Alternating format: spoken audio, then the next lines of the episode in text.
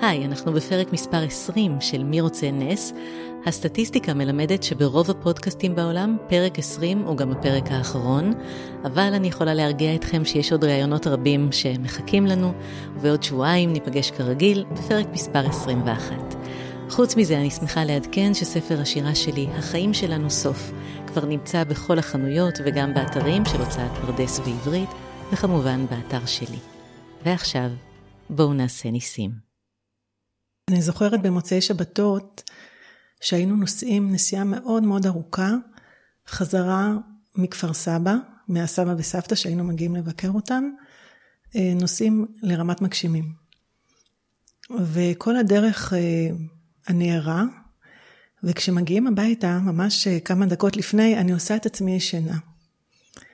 זה הרגע שאני יודעת שאבא שלי ייקח אותי ויניח אותי במיטה.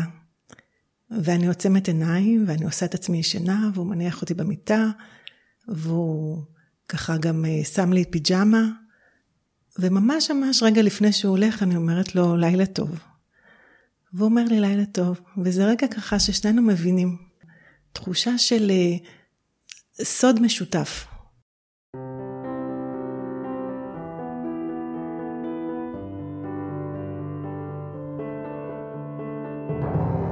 שלום, אני טלי אשר, ואתם על מי רוצה נס, פודקאסט שנועד להכיר לכם מקרוב את החיים לצד התמודדות נפשית.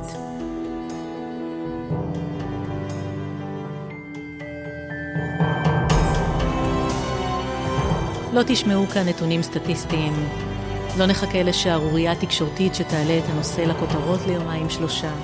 אנחנו כאן באופן קבוע, נכנסים ליומיום, לחדרי חדרים, ובעיקר לחדרי הלב.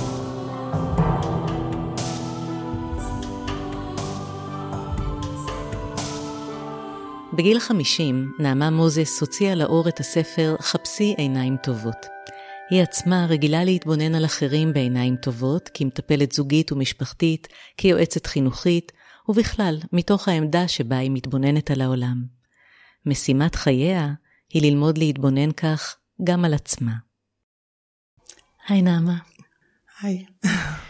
מה הקשר שלך לעולם ההתמודדויות הנפשיות? אני מטפלת זוגית ומשפחתית מוסמכת, מטפלת CBT. התחלתי את דרכי, אני חושבת ששברתי את השיא מהבחינה הזאת שהייתי מתנדבת אה, ערן הראשונה הצעירה ביותר. וגם כמובן במסגרת עבודתי אה, כיועצת בתיכון. אבל אני חושבת שזה קל מאוד לשים אותי במשוואה רק בצד של המטפלת. כי בסוף כל אחד מאיתנו הוא מתמודד.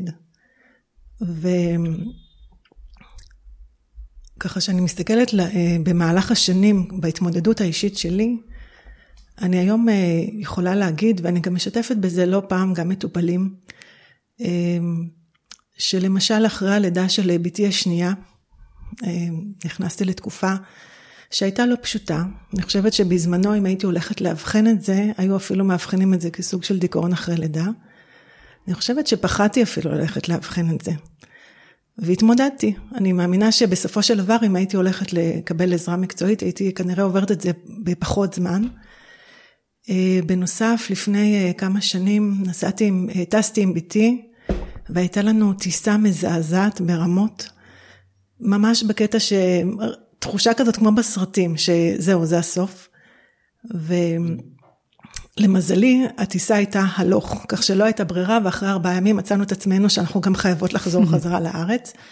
כך שאיך אומרים, סוג של חשיפה, לא הייתה ברירה, עליתי למטוס, אה, הטיסה חזרה הייתה סבירה, אבל מאז ממש נכנסתי לסוג של חרדת טיסות. והכי תסכל, וזה אולי ככה המקום שאני לא פעם אומרת, דווקא בגלל שיש לך ארגז כלים, אני מלמדת את המטופלים שלי איך להתמודד עם פוביה וחרדה ו-CBT וכל מיני דמיון מודרך, ו, ופתאום אני יודעת מה צריך לעשות, ואני באמת יחפה. וזו תחושה מאוד מאוד אה, מתסכלת. אחרי הטיסה האחרונה אמרתי לבעלי, אני חושבת שעברה לי החרדה. אמ, יותר מפחיד להיות בנתב"ג בתורים הארוכים מאשר על המטוס. לגמרי. אבל אני חושבת שבסוף באמת כולנו מתמודדים. אמ, חרדות, אה, גם אמ, סבי, אה, זיכרונו לברכה, אחרי שהוא יצא לפנסיה, הוא נכנס, אה, הלך ושקע ובעצם חלה בדיכאון, תקופה שהוא גם היה מאושפז. וכל הדברים האלה, ככה, חלקי האנשים שאתה פוגש, מעבר לזה שכמובן המפגש האישי עם המטופלים, זה בסוף נוגע בכל אחד מאיתנו. יש משהו מאוד חשוף, מאוד פגיע, מאוד רחב לב מהזווית שלי, איך שאני שומעת את זה, שאת בעצם מפוגגת את הדיכוטומיה מטפלים-מטופלים. את עושה את זה גם בתיאור שלך על חייך, ואת עושה את זה גם בספר שבזכותו אנחנו נפגשות היום. אז את אה, חיברת את הספר חפשי עיניים טובות. אני כבר חייבת לומר לך שעצם הכותרת, עיניים טובות, זה מושג שאני כל כך אוהבת. אני חושבת באמת כמה זה חשוב שלאדם יהיה בעולם הזה זוג עיניים טובות, לפחות זוג אחד, וכמה זה מרעיל כשיש עיניים רעות בסביבה, ככל שהיא קרובה יותר זה מרעיל יותר. אז זה כבר כבש אותי. אני רוצה לספר שפנית אליי בהצעה להתראיין, וככה הסברת לי, כתבת ספר, חפשי עיניים טובות, אולי אני לא מכירה אותו, ואני עטתי על זה כמוצאת שלל רב, ועניתי לך בחדווה כמה אהבתי את הספר. תודה, זה מאוד מרגש. בעצם במרכז הרומן, הגיבורה הראשית היא איילת גדות, גם היא, כמה מפליא, פסיכולוגית חינוכית בבית ספר. זה עוד אחרי שניסיתי להרחיק את זה. כן. אני חייבת לומר לך, אה, ככותבת בעצמי וכמנחה סדנאות כתיבה, שאני מאמינה גדולה בחומרים האישיים, האוטוביוגרפיים, ובחירות שיש לנו שהם בעצם, יש איזה בסופו של דבר תמהיל בין האמיתי לבדיון, ואין שום חוזה שצריך לכתוב כמה אחוזים התרחשו באמת וכמה לא, וגם יש דברים שלא קרו לנו, קרו בסביבתנו, והם מוטמעים לפעמים כמו צל, ולפעמים בווליום יותר גבוה. אז אני, אני ממש אוהבת את, ה, את החופש הזה שיש לנו, ואת השימוש בחומרי הגלים האישיים, כל אחד, כל אחת איך שמתאים להם. אז את רוצה לספר בכמה מילים? הספר באמת פותח באירוע מאוד מטלטל. אירוע שככה, מה שנקרא שבריר השנייה שמשנה והופך את העולם. איילת, אה, פסיכולוגית חינוכית, נוסעת בסוף יום העבודה לאסוף את אה, ילדיה הקטנים מה, מהמסגרות. במיוחד חשוב לה שהם לא יישארו אחרונים, שהיא לא תהיה האימא שמגיעה בסוף בסוף ושהם כבר עצובים. כן, האחרון כן, בגן. כן. ובדרך, נער על קורקינט חשמלי מגיח מולה, וכמובן שהיא מנסה ב... לבלום. לבלום, והיא לא מצליחה. היא פוגעת בו, הוא נפצע קשה. ובעצם אה, מהרגע הזה אפשר לומר שנכנסת למסכת אה, טלטלה מאוד מאוד גדולה סביב אה, כמובן גם הניסיונות שלה לברר לשלומו, החקירה, ישר שוללים את הרישיון, אפשרות למשפט. ומעבר לזה שאני מודה שלא חשבתי שאני הולכת לכתוב על נושא הזה של תאונות דרכים, למרות שאני שמחה לדעת שהספר יש לו את הערך המוסף הזה, שגם אנשים אחר כך כותבים כמה זה השפיע על תרבות הנהיגה שלהם. אבל אני בעצם ניסיתי יותר לגעת, ואני מרגישה שזאת תמה שבכלל מעסיקה אותי, על הרגע הזה של החיים שלפני ואחרי. Hmm. וכמו שאמרת בהתחלה, זה כנראה לא במקרה, כי לפני 20 שנה, בדיוק ברחוב פינת הגליל, פינת הרדוף בכפר סבא, נסעתי לקחת את הבת שלי מהגן, וילד אה, רץ לכביש, למזלי הרב, קרה לי אז נס גדול. בלמתי בדקה כנראה ה-89.9, כן. לשניות לא ידעתי, הוא ממש השתטח על הכביש, mm-hmm. לא ידעתי מה קרה לו, נכנסתי לסוג של פריז. כבר, אתה גם לא כל כך רוצה לצאת, אתה, כן, אתה ברור. פשוט... אין דרך חזרה ברגע שיצאת החוצה, את ו... בתוך התהום. ופתאום הוא התרומם, החולצה שלו התלכלכה מהכביש, אבל מעבר לזה לא קרה לו כלום, ואני אומרת לו, אתה בסדר? הוא ככה מנענע בראשו ובורח מהמקום, mm. כי היה לו ברור שאני כנראה הולכת uh, לצעוק עליו, מה שמן הסתם אולי היה קורה אחרי זה. אני זוכרת את עצמי מגיעה לגן מאוד מבוהלת, ו... רועדת כולי, ואחרי זה גם שלושה ימים מסתובבת שם בסביבה לראות את הנס הזה שקרה. Mm-hmm. בעצם הנס הזה, המשמעות שלו שניצלו חייו וניצלו חייך. לגמרי. בספר מבחינתי יש ציר אחד של עלילה סביב הנושא הזה של התאונה, מה יקרה, מה וכולי. אבל בעיניי הציר היותר אה, משמעותי בספר, זה בעצם ההתמודדות עם, התמודדות עם משבר. כי איילת, אה, כל חייה היא בעצם סוג של אדם אה, מרצה. יש לה סיבות כנראה טובות לזה. היא מטפלת באחרים, היא בת טובה, היא בת זוג נכונה, אני עושה מרכאות, לא רואים. כן. והיא גם לא רוצה להרוס את החלום שהיא ומיכאל אמורים לטוס אה, עוד כמה חודשים לרילוקיישן. רילוקיישן בשוויץ, משהו מאוד אה, נחשף, שמיכאל מאוד אה, חיכה לו, רצה אותו. נכון. ו... היא מחליטה בשלב מאוד ראשוני. לא לספר למיכאל על התאונה. היא גם מאמינה... אז רגע, בואי ניכנס, בואי ניכנס לזה רגע. אני מאוד מסכימה איתך שזה לא ספר על תאונות דרכים. ברור שהוא עושה טלטלה מסוימת, או נגיד מחדד את הערנות שלנו כנהגות וכנהגים, אבל אה, באמת ההתמודדות הרגשית פה, קודם כל בעולם הפנימי של הילד, ואחר כך עם הסביבה, גם הקרובה וגם הרחוקה יותר, שלוקחת חלק בהתרחשות, זה לב ליבו של הספר בעצם. ממש, ואני מודה לך שאת ככה ישר אה, שמה את זה במרכז. הנושא בכלל של כמה אנחנו מוכנים אה, לחשוף ולהוריד את המסכות, וזה לא חייב להיות דווקא אירוע כל כך מטלטל, בכלל, כמה אנחנו חיים בשלום עם הטעויות שלנו, עם הכישלונות אה, לכאורה, עם דברים שצפינו או לא צפינו אותם, קשיים בהורות, גם ומה, עכשיו, לא שאני חושבת שלא צריכים להיות אה, סודות בכלל. אני חושבת שבסוף יש, אה, יש חשיבות גם למקום הפרטי, אה, לסודות מסוימים. תראי איך, התלה, דבר... איך, איך התחלנו את הריאיון עם הרגע המתוק שלך. שלך ולאבא שלך היה סוד משותף והוא היה מיטיב. ממש. ומיכאל ואיילת, בעצם האירוע הזה, וגם כשהיא כבר מנסה לספר לו מה קורה, שהיא מנסה לחלוק, זה קשה מאוד. וכדרכו של סוד והסתרה, ובעקבות זה לפעמים נוצר גם איזשהו סוג יותר פעיל של אה, שק, שק, שקרים סביב העניין, זה לפעמים כדור שלג שקשה לעצור. אני מאוד משתדלת אה, לקיים את השיחה הזאת בלי ספוילרים. תשתדלי, לא, לא, זה כן, קשה. כן, כן, אני יודעת, זה קשה. אני כן אגיד אבל, שלפעמים נדמה לאדם שהוא מסתובב עם סוד כבד משקל והוא היחיד שמסתובב עם סוד. ואז כשמתחילים אה, לגרד קצת בפצע הכמוס, מגלים שגם אנשים אחרים בסביבה שלנו אה, נושאים סודות שנסתרו מעינינו. נכון. אני חושבת שהתהליך המשמעותי, בעיקר שהילד עוברת, הוא קודם כל למצוא עיניים טובות אה, בתוכה.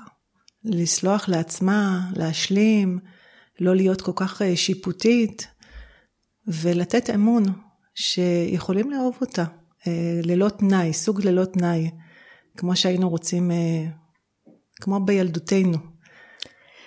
עד כמה הנושא הזה של חמלה עצמית קרוב לליבך?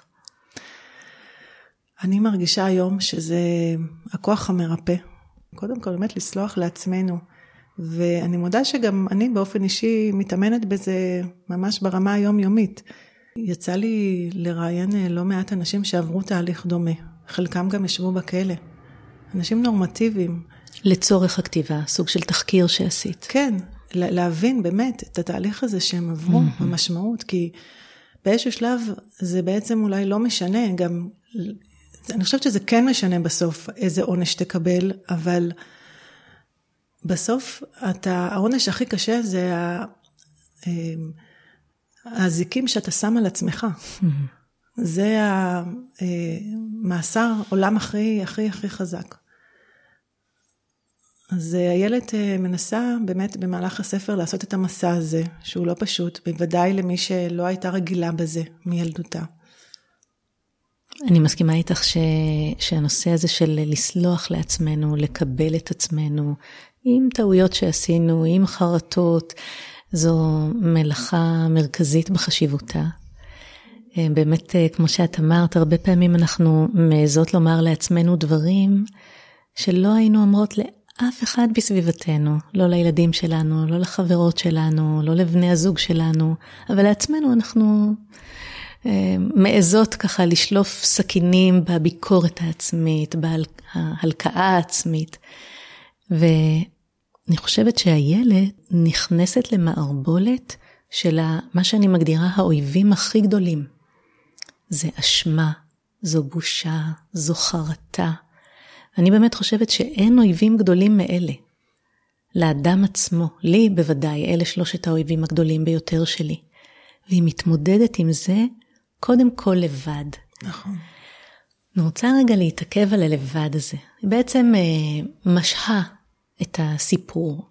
זה קצת דומה להשהיה שלך באותה כמעט תאונה, או תאונה ש, שכמעט והיו לה תוצאות בלתי הפיכות, שלא רצית לצאת מהאוטו. יציאה מהאוטו זה כבר היה עוד שלב של אמיתות הסיטואציה. אני כך קראתי את הילד, שהיא, כל עוד היא לא מספרת, נכון. זה קרה לא 100%, זה קרה 99 אחוזים. היא מחכה עם האחוז הנוסף הזה. זה עוד יכול להשתנות. וזו עוד התמודדות.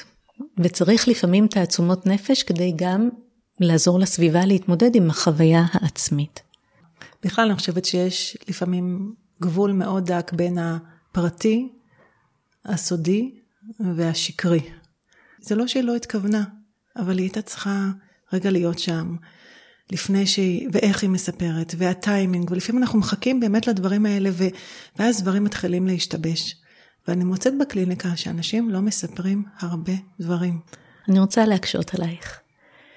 יש לנו איזו, איזה סלוגן כזה בבית על אה, כל מיני סדרות או סרטים, בעיקר אה, מאזור הוליווד, שיש בעיה, יש שיחה, והכל נפתר אחרי השיחה או אחרי השיתוף. ואני חושבת שבשיתוף יש גם הרבה מאוד סיכון.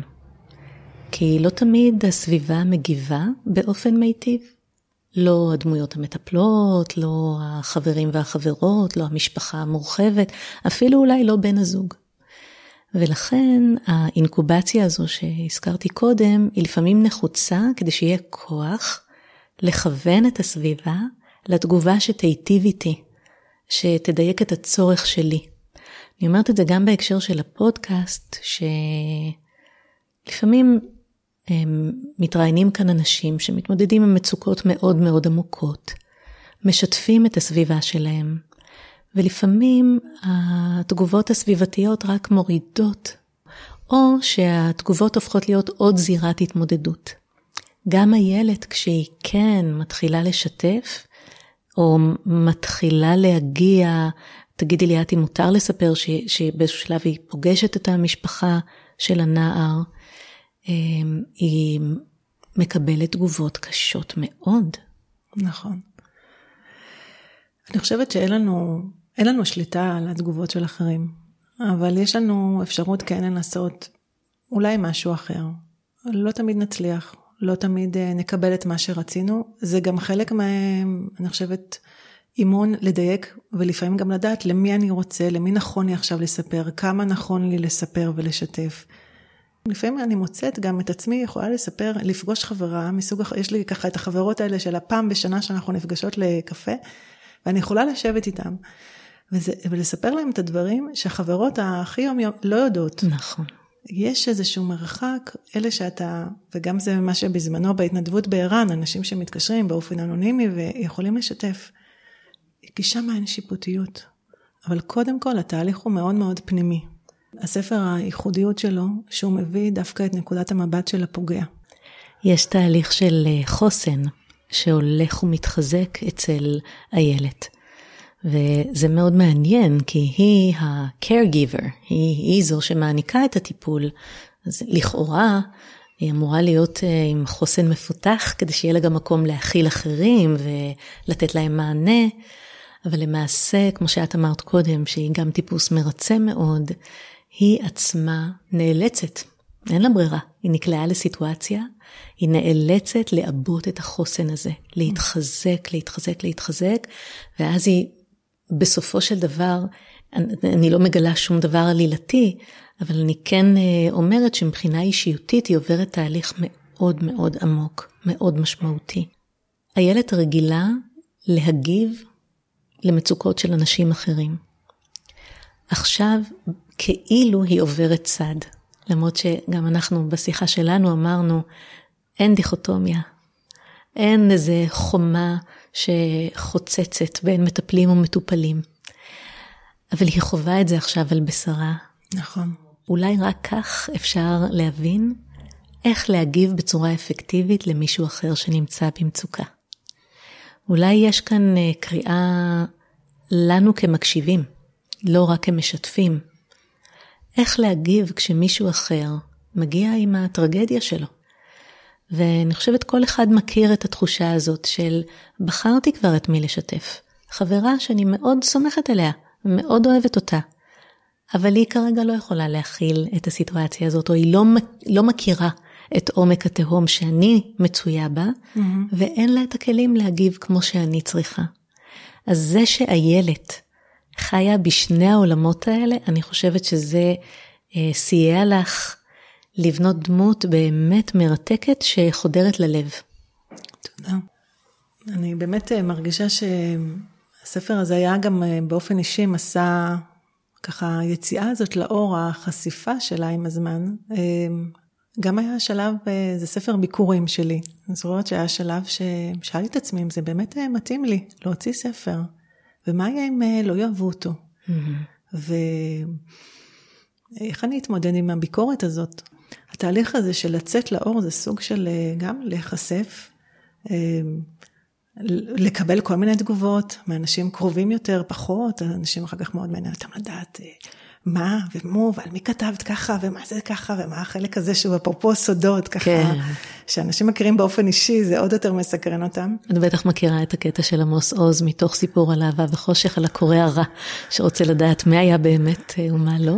והקורא הטוב שרוצה לדעת איפה הוא בסיפור. בדיוק, הוא שם את הראש שלו בתוך לוח נכון. הקרטון. את אישה שומרת מצוות, נכון? אהבתי את ההגדרה. יש... סיטואציה שאיילת נקלעת לתוכה, מתמסרת אליה, מתרפקת עליה תוך כדי הספר, שהיא לא מובנת מאליה. אז היא פוגשת את דוד. את רוצה לספר על זה קצת? כן, אז קודם כל היא פוגשת אותו בסדנת שינה. היא לא כל כך מצליחה לישון, אבל היא פוגשת עיניים טובות. זה אולי המבט של לפעמים דווקא אנשים שאנחנו לא חיים איתם ביום יום. יש בזה מבט גם לפעמים מאוד מבלבל. שאני מוצאת גם בקליניקה לפעמים בעקבות אה, רומנים מחוץ לנישואים, שלא בטוח שהאדם שאיתו אתה מנהל את הרומן, אם היית צריך לחיות איתו, לנהל איתו משק בית ולגדל איתו ילדים, אז הוא היה ממשיך להסתכל עליך בכאלה עיניים מתפעלות. אבל החסר שולח אותנו לכתובות לא מדויקות אולי. היא חיפשה באמת מישהו שהיא יכולה לספר לו בלי שזה... אה, יגבה ממנה מחיר, כי mm. כשאתה מספר לבן הזוג, יש לזה גם השלכות עליו בכל מיני תחומים וגם לפעמים אתה גם צופה משהו, מה שבן הזוג יגיד לך, לא בהכרח זה מה שהוא היה אומר. ודוד באמת אה, מהווה בשבילה אוזן קשבת, ובהמשך אה, גם הקשר ביניהם אה, מתהדק. אני מודה שככה בתהליך של כתיבת הספר, כאישה שומרת מצוות, הייתה לי דילמה כמה להתייחס לסוג של רומן מחוץ לנישואים, זה לא ככה תואם את כללי הפורמט, מה שנקרא. וגם פה תמיד יש את הקול הזה של כמה אני מרצה את הסביבה שמצפה ממני ומה יגידו ועד כמה רחוק אני לוקחת את זה. זה דרש ממך סוג של תעוזה להשאיר את זה. בהחלט. היה לי חשוב אה, מה אימא שלי תחשוב על הספר, והיא מאוד אהבה. וואו. נתנה, נתנה את ברכת הדרך. קיבל הכשר. כן. אני חושבת שהמערכת היחסים עם דוד, ששוב, לא נכביר עליה מילים, אני חושבת שהיא הייתה הכרחית לתהליך שהילד עברה. היא הייתה צריכה רגע לעבור לאי אחר, כדי לחזור למולדת שלה ביתר שאת. נכון, אז היא בוחרת. ומעבר לזה, אני חושבת שגם יש איזשהו רגע שלפעמים כשאדם נמצא בתוך משבר, יש איזו תחושה שכביכול אין לו גם מה להפסיד. ואז הוא גם לפעמים אה, לא תמיד חושב אה, מהשכל. כן. אה, אז יש הרבה מעמיק סיבות. מעמיק את הבור. כן. במו ידיו. הכתיבה שינתה אותך במשהו? כן, אני חושבת שהיא הפכה אותי... אני חושבת שכנראה לפני כן הייתי אדם שאמפתי ורגיש,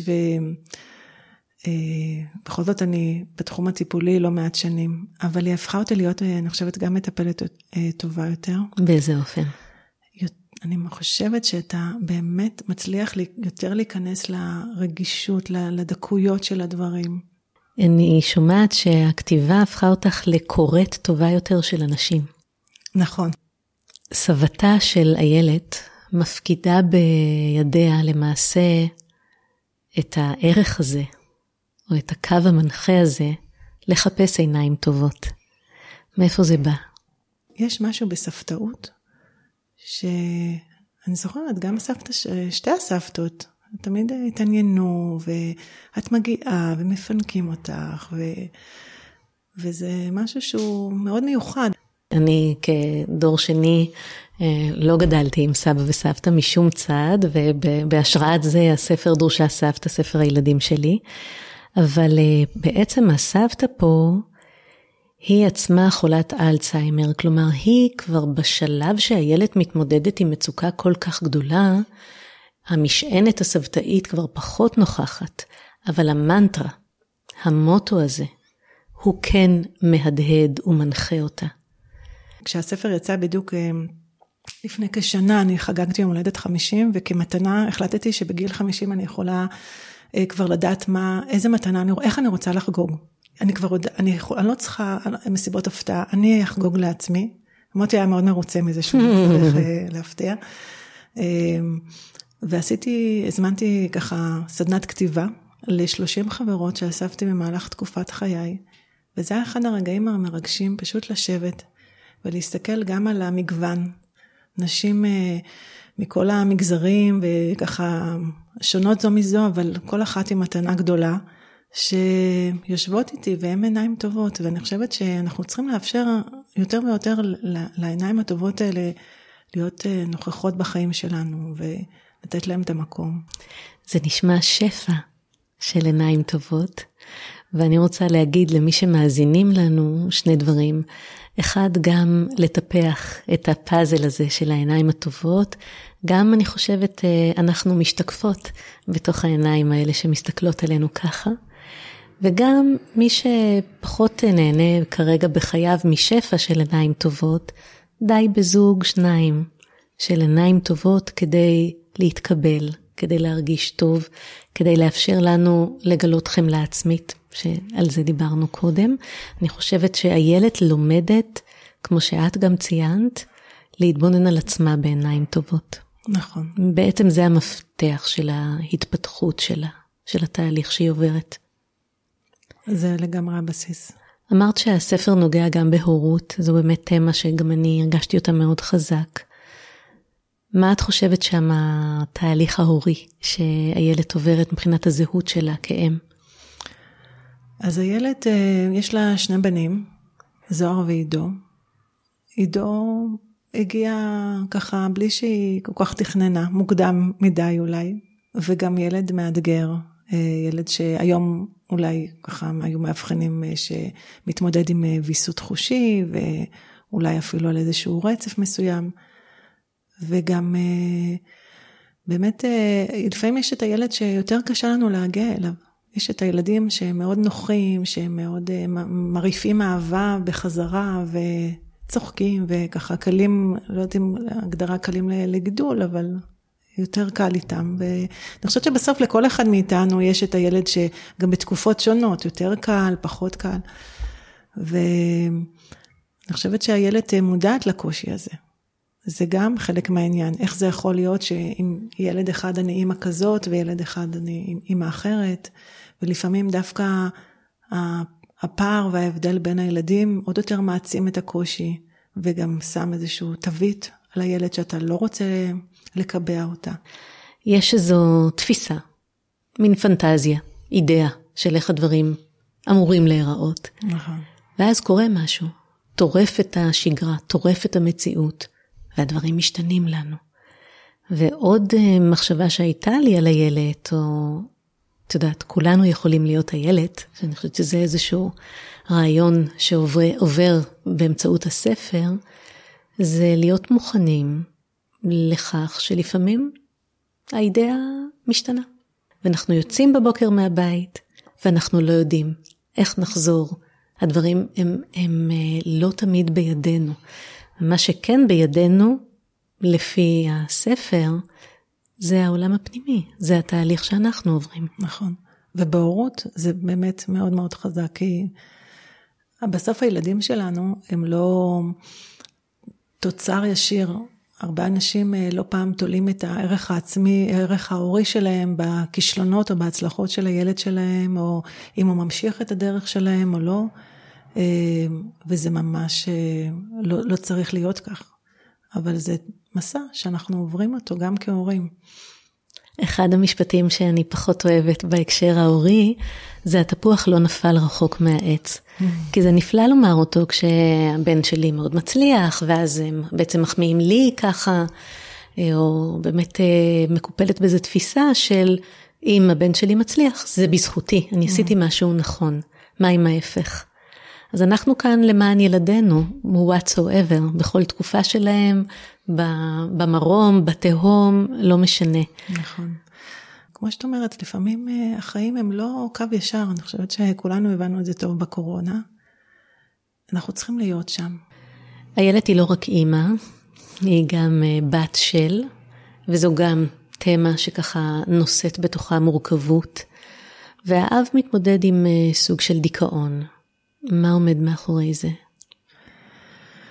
אז איילת היא באמת סוג של ילדה הורית, ואני מוצאת גם בעבודה שלי כיועצת בבית ספר לא פעם אה, תלמידות שמתמודדות עם משברים בבית ונכנסות לתפקיד הזה שהוא מאוד לא פשוט וגובה אחר כך מחירים מאוד כבדים גם בעתיד. נחשפתי לקרוב משפחה, סבא שלי אה, שהיה חולה דיכאון וזה תהליך שהוא לא פשוט גם עד שהמשפחה לפעמים לומדת להכיר בזה ולא כולם אה, מוכנים לתת את הטיפול שצריך לתת. התפקיד שלך במשפחה הוא מטפלת? אני חושבת שכן. אה, אבל אה, שוב, זה היה יותר רחוק, זה היה מול אה, סבא, אבל אני מוצאת את זה באמת גם כשאני רואה בעבודה, בבית ספר, נערות שמתמודדות עם משברים שלא כל אחד מבני המשפחה ככה תופס מקום, נורא חשוב לשים את העין על כל אחד מבני המשפחה ועל המקום שהוא ממלא. אז uh, אני חושבת שזה גם מה שהפך את הילד לסוג של מישהי גם מרצה, שאצלה הכל צריך להיות בסדר, ואסור... היא לא לה... יכולה להרשות לעצמה אחרת. היא לא יכולה להדאיג גם בנוסף. אז uh, יש uh, קטע שאני אקריא אותו ככה מתוך הספר בקצרה. במהלך לימודיי באוניברסיטה, למדתי לאבחן שאבא הלך לאיבוד במחוזות הדיכאון. הייתי מתבוננת בידיו הרועדות, בעיניו הכבויות, כמו החושך המכסה את חדר המדרגות, ממששת את הקירות המתקלפים ולא מצליחה למצוא את, מדק, את מתג האור. אבא שלי, שידע לפתור ברגע משוואה מסובכת, שתמיד הייתה לו תשובה לכל שאלה, התפוגג. ניסיתי להבין מדוע. מתי קוביות הדומינו החלו ליפול? אולי כשאחותו הצעירה טבעה בים כשהיה בגילו של עידו? אולי הטראומות שנצרבו בנפשו המפויחת ממלחמת יום כיפור הארורה, ואולי, כך הבנתי עם השנים, אין תמיד סיבה אחת לחושך. אבא היה מכונס שעות ארוכות בכורסה, ממולל בידיו החברות את שוליה של מפת התחרה, מחטט באצבע בנחיריו ללא בושה, וראשו שמוט כבובת סמרטוטים שגזרו את חוטיה, ובקול חלש היה מבקש שימזוג לו מים, ואוחז בכוס ביד רועדת. מספר טיפות זלגו מזוויות פיו, והוא אפילו לא טרח לנגבן, מנותק ואדיש לעליבותו. אמא ניסתה לשכנעו לאכול.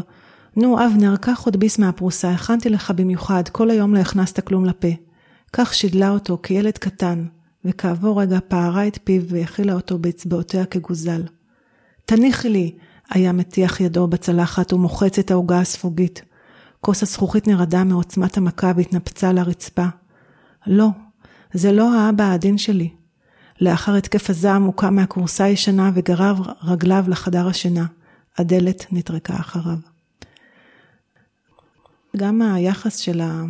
באמת הבני משפחה, שלפעמים מקבע את האדם. כי בסוף אדם הוא לא דיכאוני, הוא מתמודד עם מחלת הדיכאון. הוא לא חרדתי, הוא לא OCD, הוא... לא לצמצם את האדם להתמודדות שלו. ממש. שלא לא להפוך אותו מצד אחד גם לחולה, אבל גם אה, לראות עוד צדדים, עוד אה, חוזקות שיש בו. איזה נס יש בחיים שלך?